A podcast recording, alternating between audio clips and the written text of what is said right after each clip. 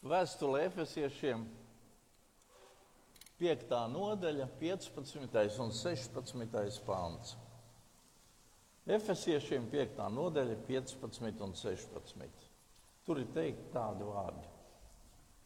Tad nu raugieties nopietni uz to, kā dzīvojat. Nevis kā negudri, bet kā gudri. Izmantojiet laiku, jo šīs dienas ir ļaunas. Āmen. Sēdieties, lūdzu.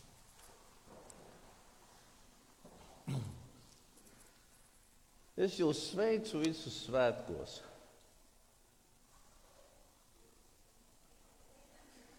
Nē, es netur, neturēju pauzi, lai jūs man atbildētu.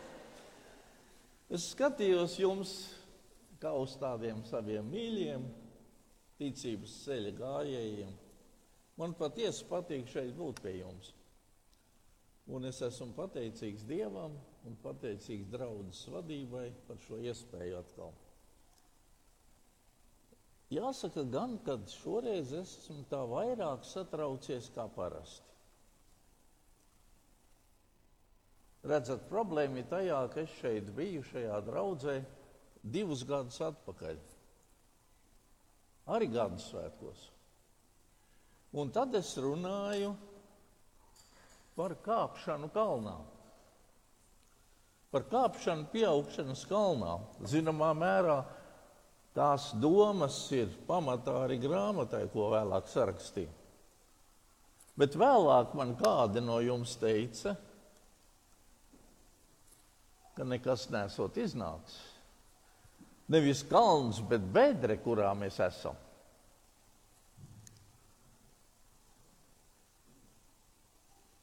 Pasaulē ir tik daudz kas noticis, ko nevar uzskatīt, ka tas būtu kāds izcilais kalns, kurā pasaule ir uzrāpusies.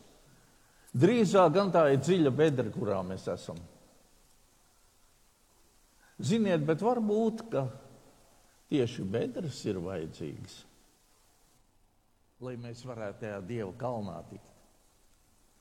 Varbūt tie pasaules ūdeņi ir vajadzīgi mums, Tās vētras ir vajadzīgas mums, lai mēs varētu tā kaut mazliet augstāk pakāpties Dieva kalnā. Redzat, pa šiem diviem gadiem ir notikušas lielas izmaiņas. Es neņemos būt par kādu analītiķu, bet viens ir skaidrs. Dievs runā. Ne tikai vīrus runā, ne tikai tur Kremļa valdība runā, Dievs runā. Un runā aizvien bargāk un bargāk, nopietnāk un nopietnāk. Nebūsim viegli prātīgi. Laiks ir ļoti nopietns. Tās dienas ir ļoti ļaunas. Mēs esam nonākuši pie tā, ka trīskārši ļaunas. Tur ir vīrus, tur ir ekonomiski krīze, kas mūs jau ir skārus un vēl vairāk skārs, un tur ir karš, kas tepat blakus mums ir. Ņemiet vērā, Man šis manas bērnības tulkojums patīk labāk nekā ir šajā Bībelē, ko es lasīju, kur ir teikts, izmantojiet laiku. Man šķiet, ka ņemiet vērā, tas ir kāds ietilpīgāks jēdziens. Tas ietver, ievērojiet, domājiet, nesiet viegliprātīgi tad, kad jūs redzat apkārt šīs ļaunās dienas. Cilvēciski ir tā, tad, kad mēs ieraugam ļaunas dienas, tad mūs pārņem izbailes. Tad mūs pārņem satraukums, nedrošība. Mēs nezinām, ko darīt.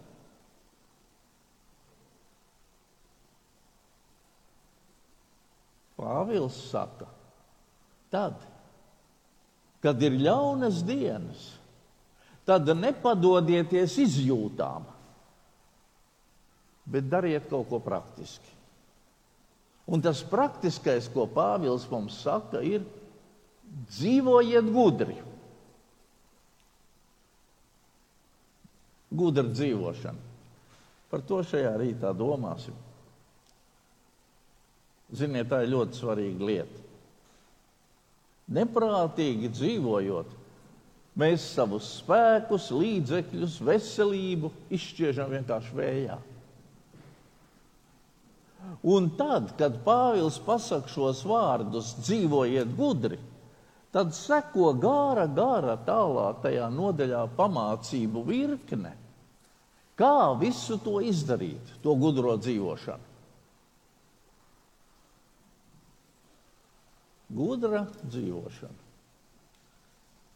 Gudrs vai negudrs, tas jau ir diezgan relatīvi. To var saprast, vai tas ir gudri vai negudri, tikai e, mērķa izvirzīšanas kontekstā. Kas vienam ir pareizi, kas vienam ir gudri, tas otram liekas muļķīgi, neprātīgi. Kāpēc? Tāpēc, ka mērķi ir atšķirīgi. Viens par savu mērķi nospraudis to un dara visu, lai to sasniegtu. Bet otrs ir nospraudis par mērķi pavisam kaut ko citu. Un tad tā pirmā rīcība viņš vērtē, vērtē kā neprātīgu. Man šķiet, ka šajā nopietnējā laikā kristīgās draudzes mērķim vajadzētu būt dzīvot tā, lai Dievs varētu mūs svētīt, dzīvot tā, lai nenāktu Dieva sots, un dzīvot tā, lai mēs varētu izpildīt to uzdevumu, ko Dievs mums ir devis. Dzīvot tā, lai no šī mērķa izējot, to, ko mēs darām, varētu saukt par gudru. Pasaules mērķis ir cits. Iekārtoties šajā dzīvē pēc iespējas ērtāk, nodrošināt savu un savu bērnu nākotni, iekrāt kaut ko nebaltām dienām, tām ļaunajām dienām, kas nāk, varbūt, saprātīgi tērēt, gudri investēt. Tas ir skats, kas ir piesaistīts šīs pasaules vērtībām. Galvenokārt jau materiālajām vērtībām. Bībeles izpratnē gudra dzīvošana ir nospraust gudru mērķi, skatīties uz pareizo pusi, ievērot pareizās lietas un darboties pareizā virzienā. Skats uz ļaunajām dienām cilvēcisku nedrošību rada. Uz ko mums vajadzētu skatīties, lai iegūtu drošību? Trīs lietas. Pirmā, tas ir skats uz pagātni.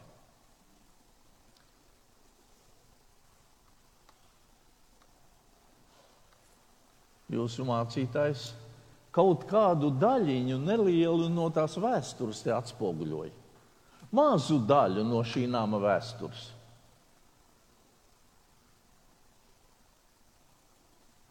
1888. gads. Šis nams tiek uzcelts kā Vācu Ciānas Baptistu draugs dievnams. Jā, tad ir posms, kad šeit ir pie Ciānas draugs arī garīgais seminārs. Bet arī tajos laikos, padomju okupācijas laikos, kad dievnami tiek atņemti, kad Latvijas ielas Savienības namā darbojās teātris, kad pestīšanas tempļa namā ir izvietota universitātes sporta zāle,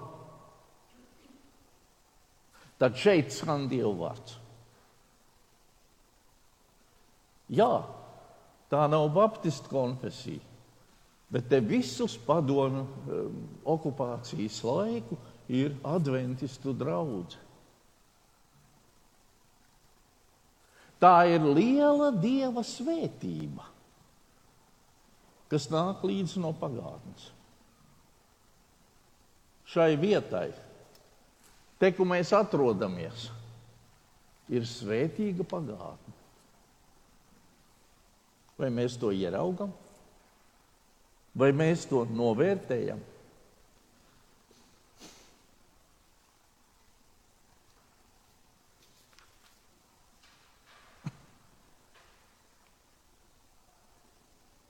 Vai mēs ieraugam un novērtējam, ka latviešu tauta ir nepelnīti žēlota?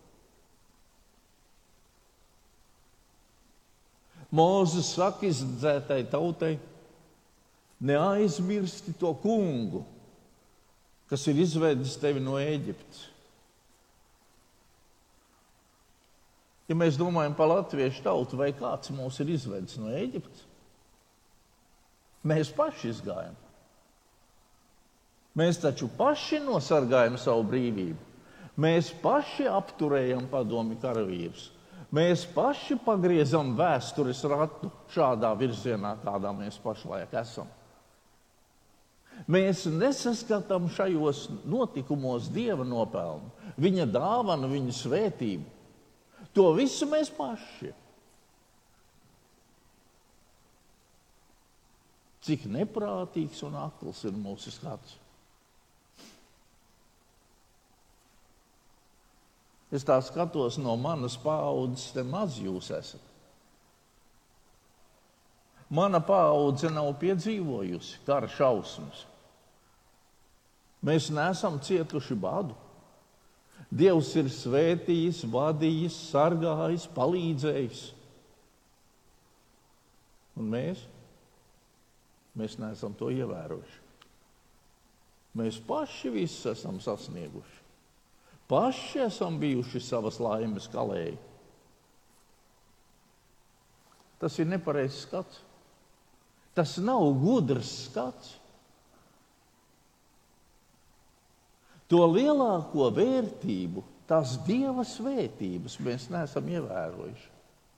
Pareizais skats uz pagātni ir ieraudzīt šīs svētības ieraudzīt Dieva lielos darbus savā dzīvē, draudzes dzīvē, tautas dzīvē.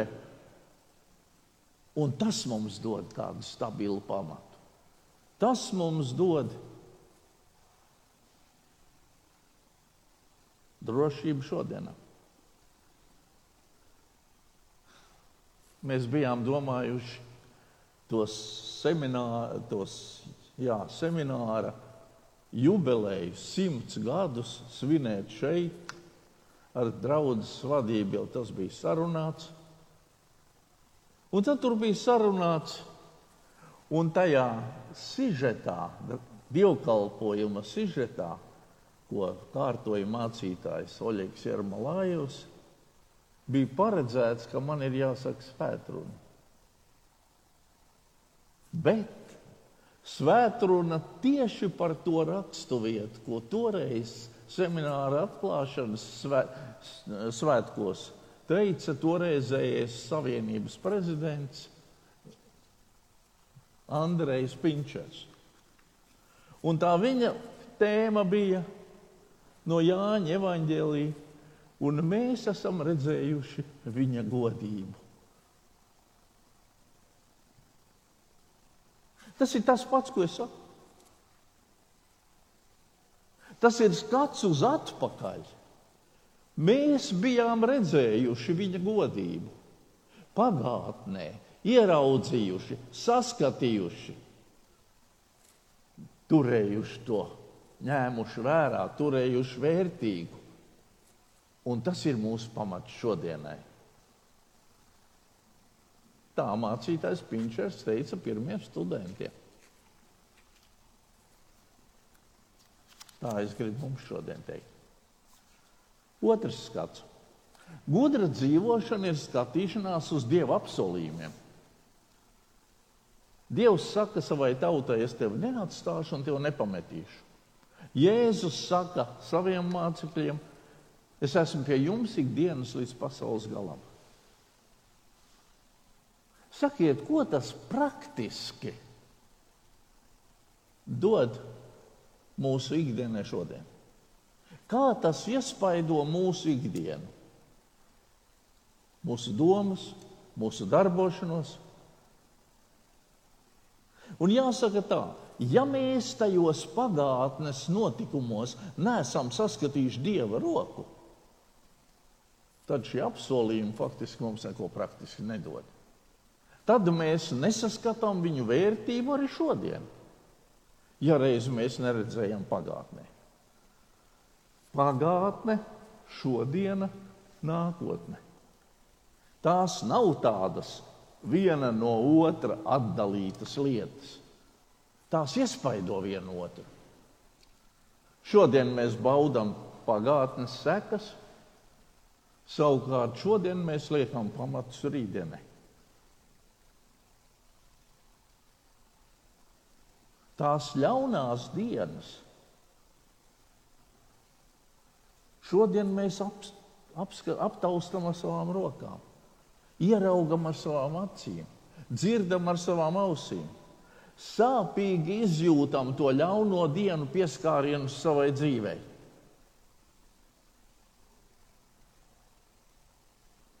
Bet mēs izējām šodien šīm ļaunajām dienām cauri un liekam ar savu darbošanos, ar to, kā mēs šodien cik gudri dzīvojam, liekam pamatu rītdienai.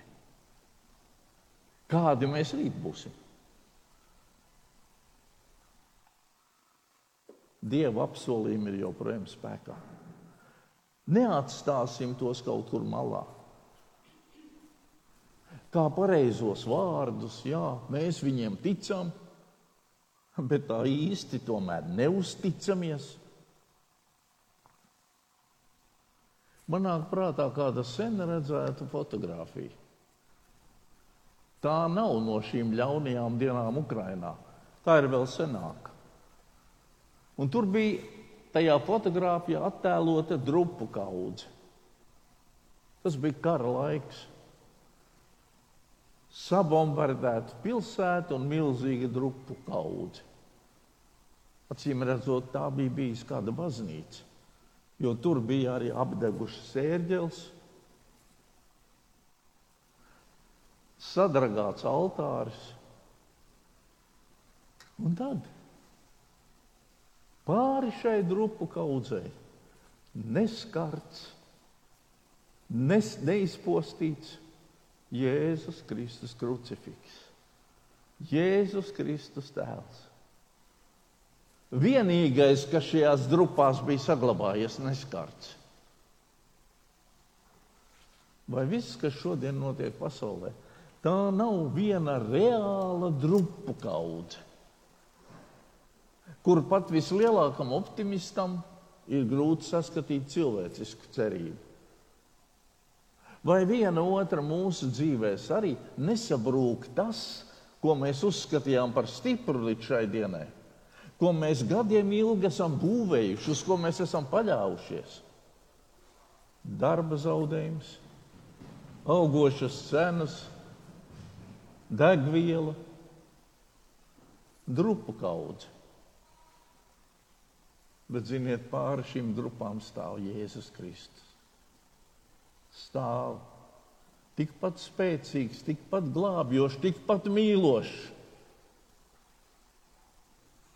Un mūsu draudzes uzdevums šodien ir parādīt šo, šo Kristu kā vienīgo cerību pasaulē. Un tā nepieciešamība to izdarīt aizvien skaļāk un skaļāk. Tā nepieciešamība aug ar katru dienu. Jo, jo pasaule straujiem soļiem iet posta virzienā.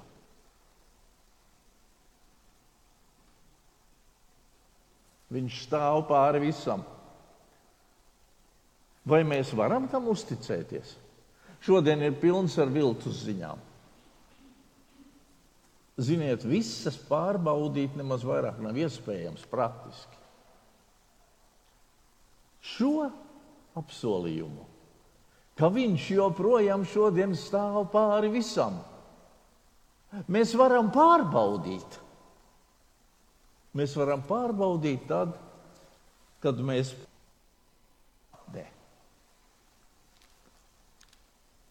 pareizi ieskatāmies pagātnē, kas tur ir noticis. Es ar šo apsolījumu autoru esmu gājis vairāk kā 40, 60 gadus. Un mana staigāšana, mana pieredze ar viņu dod man to pārliecību, ka es varu viņam šodien uzticēties.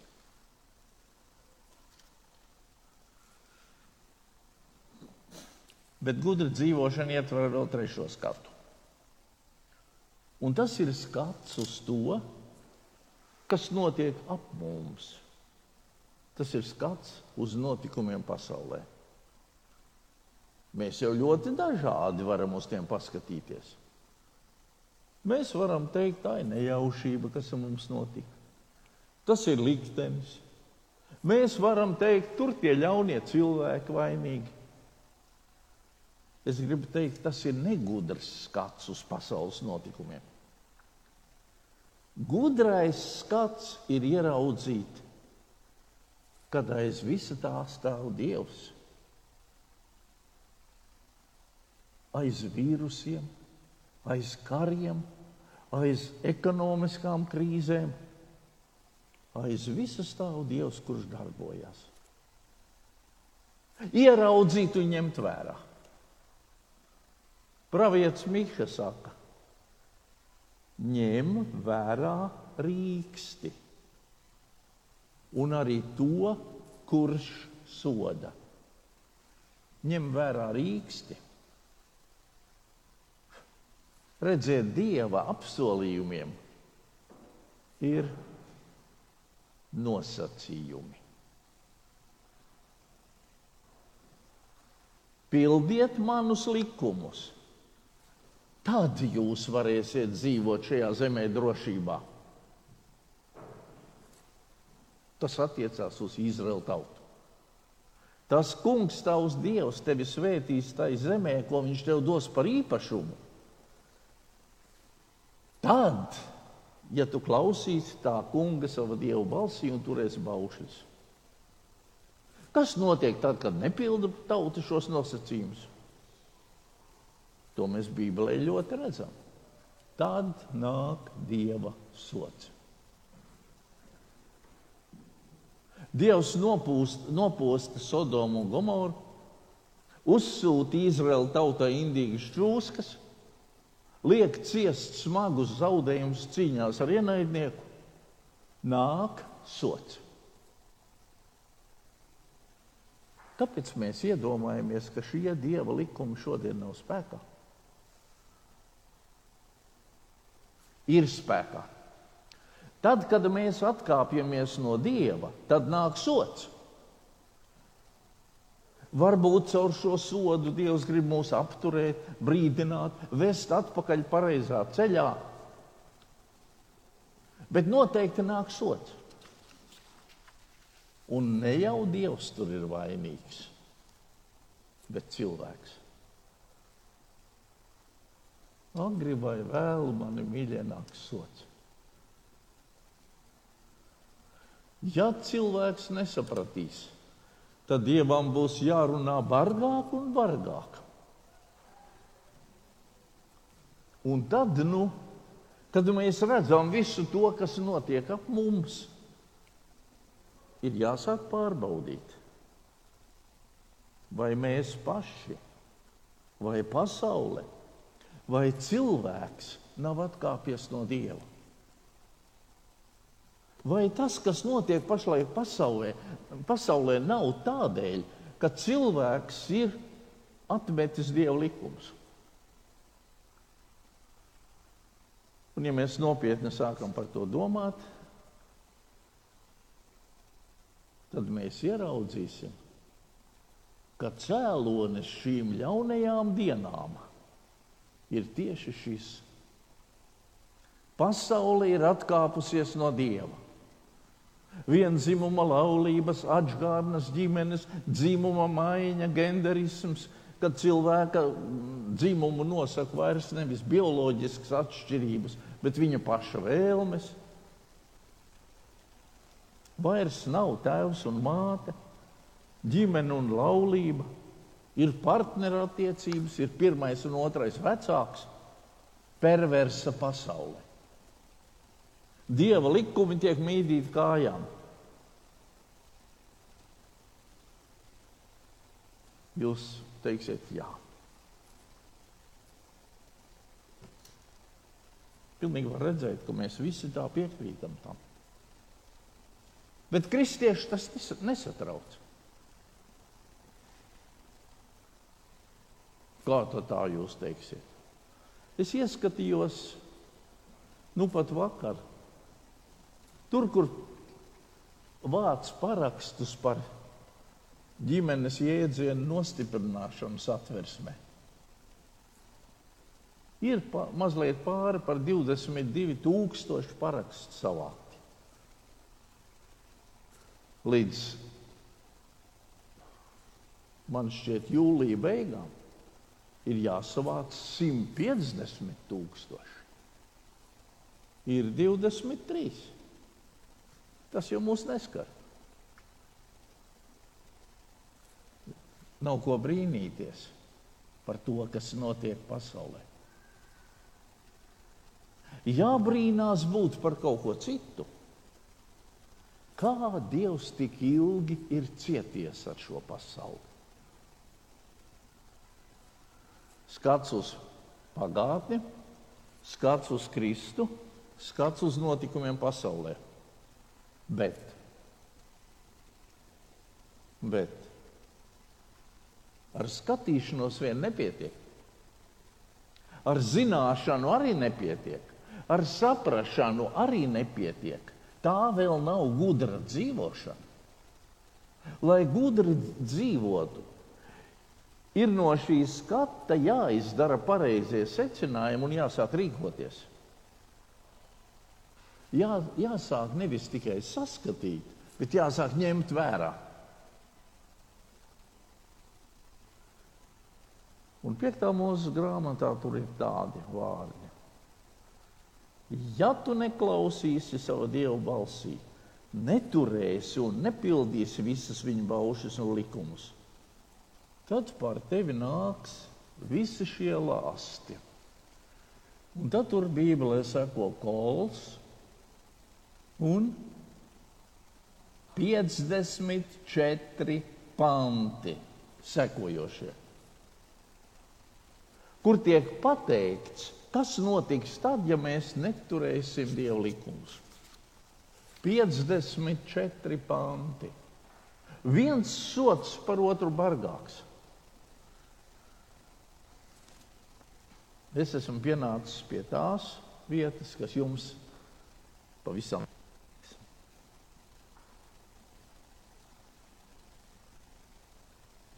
Es ilgi domāju, un Dievs man lika to teikt. Redzat, mēs visi esam atbildīgi par to, kas notiek pasaulē. Par vīrusiem, par augošajām cenām, par kāru Ukrajinā, Tie briesmoņi nav iesūtīti no Marsa. Viņi ir tepat izauguši. Tepat mūsu izaudzināti. Bērnus jau arī. Viņus audzina ģimene, skola un iela. Rietumi gadiem ilgi ir pakratījuši tikai pirkstu. Nosodījuši, teikuši, tas ir slikti, nedari tā nav gribējuši iejaukties. Ir bijušas savas intereses, ir varbūt baidījušies, varbūt mierinājuši sevi, tas jau nav pie mums. Un rezultātā ir izaudzēts monstrs, kurš iedomājās sev visvarenesam. Kurš domā, ka viņš nesodīti drīkst darīt visu, ko grib. tie rietumu gan ir vaidīgi. Vai Latvija ir bez vainas? Nē, nebūt nē. Es iešu vēl tālāk. Kristieši visā pasaulē ir vainīgi pie tā, kas šodien notiek. Mūsu balss neskan. Sāls nav derīga. Gaisma nespīd vai spīd pa daudz vāju. Par maz esam brīdinājuši par tām sekām, kas notiks, ja pasaule atkāpsies no Dieva. Esam bijuši nodarbināti ar otršķirīgām lietām, ar savstarpējiem strīdiem. Esam mēģinājuši piemēroties pasaulē, esam ieslīguši kompromisos. Bet pasaule pa to laiku iet bojā. Un tad man ir jāsaka, ka tās ukraiņu asinis šodien brēc arī uz mums.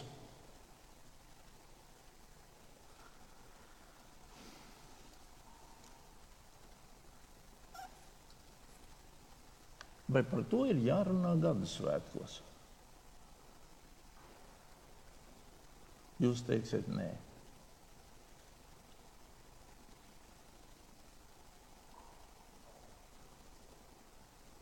Es teikšu, jā.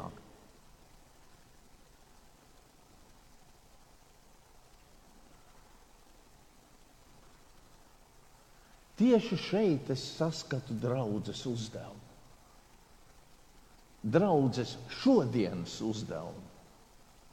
Draudzēji ir pirmai jābūt tai, kas šajās ļaunajās dienās dzīvo gudri. Par to es nedomāju, ka vajadzētu tagad iet uz veikalu, iepirkties sāli, sērkociņus vai degvielas krājumus, turēt sev kaut kur. Bet jo vairāk mēs tuvojamies pasaules noslēgumam, un jo ļaunākas kļūst dienas, jo gudrāk draudzēji ir jādzīvo.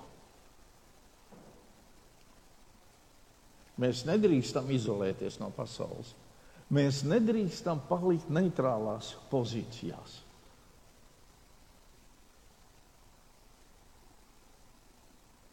Tas gudrums izpaužās no tā, kā mēs saskatīsim to skatu, tās dieva svētības pagātnē, to skatu uz viņu, kāds viņš ir šodien, un to skatu uz, apkārt, uz apkārtējiem notikumiem. Protams, mums ir jādara viss, ko mēs varam darīt, lai atbalstītu Ukraiņu šodien, lai palīdzētu tiem, kas cieš ar savu praktisku darbību, ar saviem līdzekļiem, ar savām aizlūgšanām. Man šķiet, tas ir fantastiski, ko jūsu draugi un daudzi citi vēl dara šajā jomā. Man arī gribētos skriet, organizēt, darīt, braukt, palīdzēt. Es vairs to nevaru. Bet man sirds un aizlūgšanas ir ar jums visiem. Bet ir jāapzinās draudzēji un mums katram, ka tad, kad mēs lūdzam par ļaunumu apturēšanu, par pandēmijas un kara izbeigšanos. Mēs faktiski lūdzam par seku novēršanu.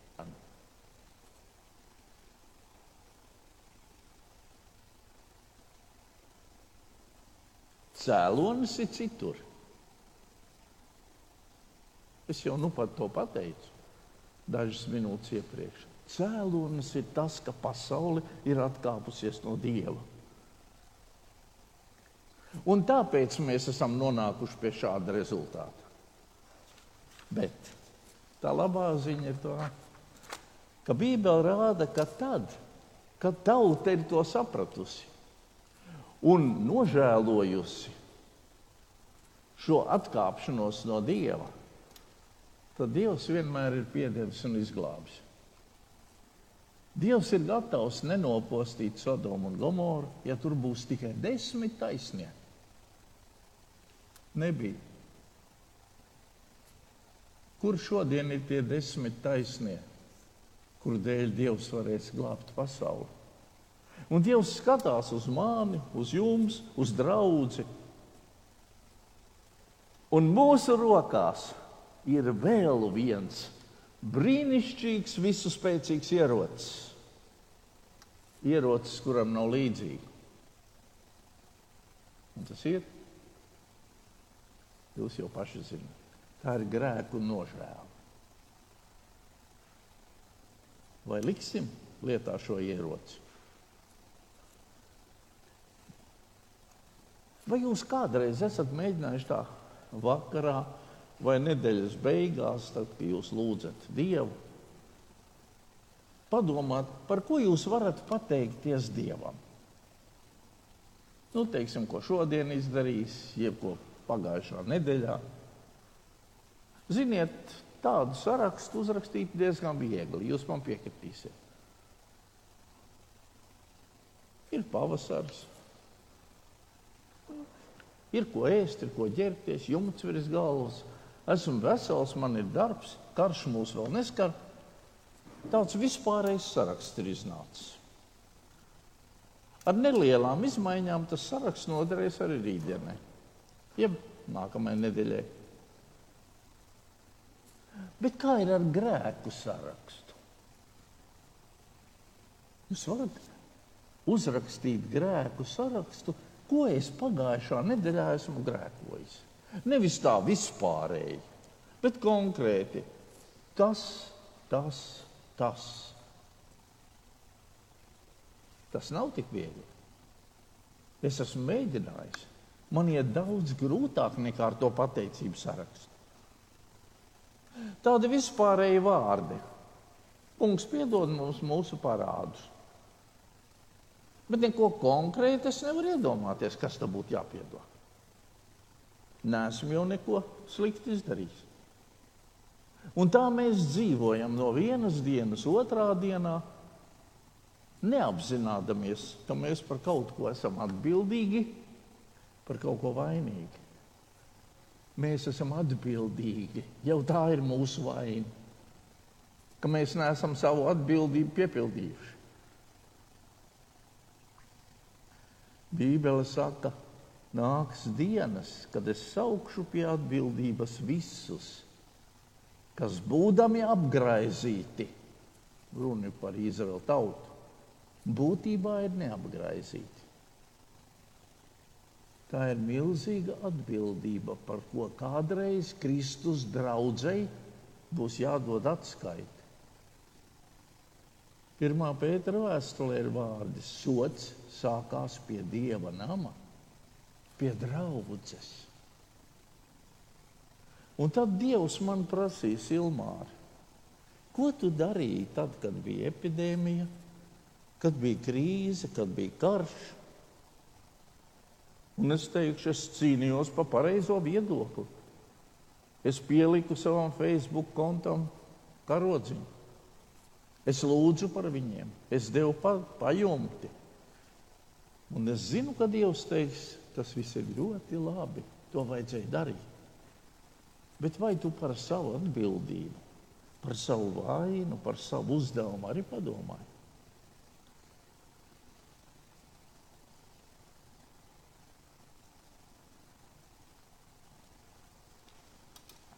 Kā tad nu dzīvot draudzes 28. gadā? Dzīvosim gudri.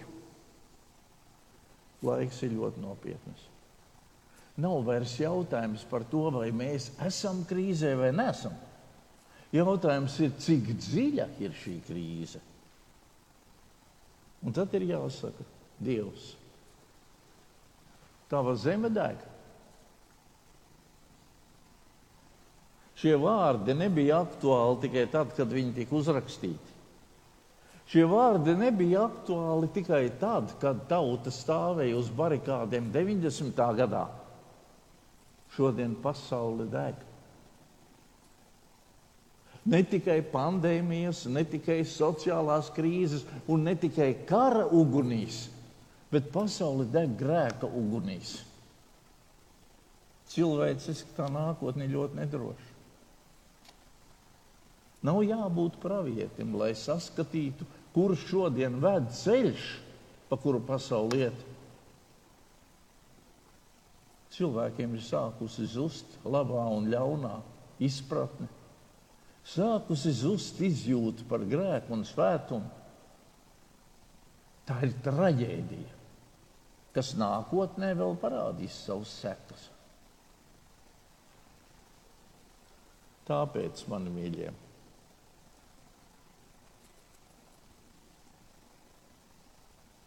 labi, ka jums nav pulkstenis. Tāpēc, mani mīļie, dzīvosim gudri. Tas nozīmē, ir jāsaskata un jāpareizi jānovērtē to, kas notiek pasaulē. Ir jāsaskata savu uzdevumu un atbildību iepratī tam. Jāsaskata sava vaina. Mēs arī esam atkāpušies no Dieva. Nevar būt, ka mēs nu esam tie ideālie. Neviens no jums. Es arī ne. Mēs visi kaut kur esam atkāpušies. Mums ir jānožēlo tas, ka mēs esam atkāpušies no Dieva. Mums ir jāsāk dzīvot gudri. Mums jā, jācenšas neielaist pasaulē, um, neielaist pasauli sevī un draudzē.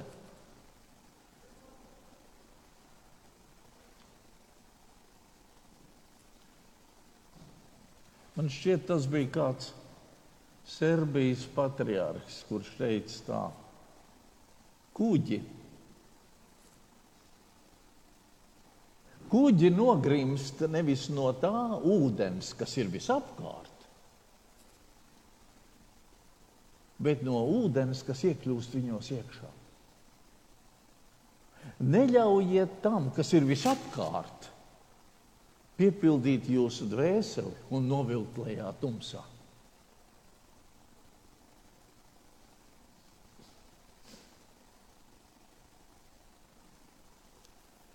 Lūksim Dievu.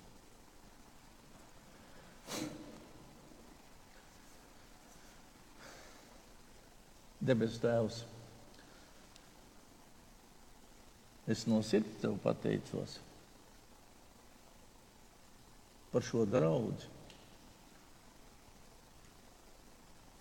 kurai tu esi ļāvis jau 27 gadus šeit darboties. Par šiem ļaudīm,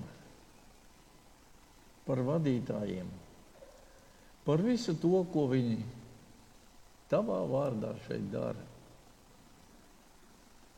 Dievs, es tev no sirds pateicos, ka tu esi īpaši svētījis šo vietu, kur jau 134 gadus ir varējis tavs vārds atskanēt.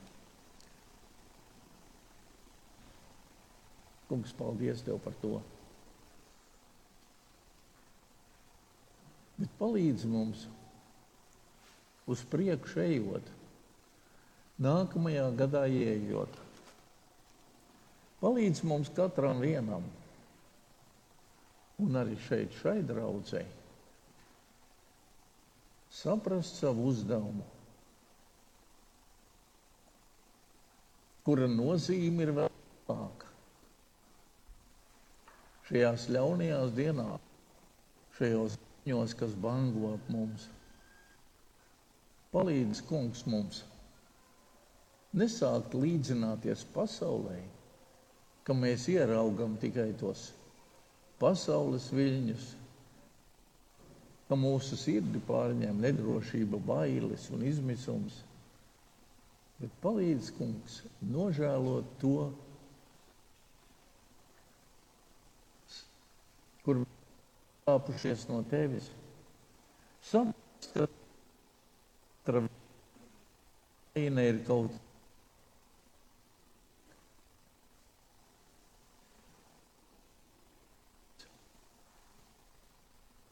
ir žēlīgs visiem. Man, maniem brāļiem un māsām šeit, šajā draudzē.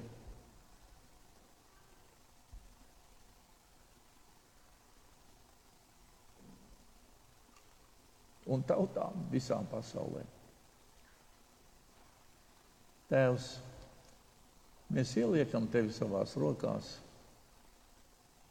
Es ielieku arī Vilandes draugus tavās rokās. Ar viņus mācītājiem, ar vadītājiem, ar katru vienu draugu locekli. Tu varētu šajos nedrošajos laikos būt katra viena. Drošums, spēks, stiprinājums un valsts. Tēvs tev vienam, lai ir gods, slāva, pateicība un pielūgšana. Āmen!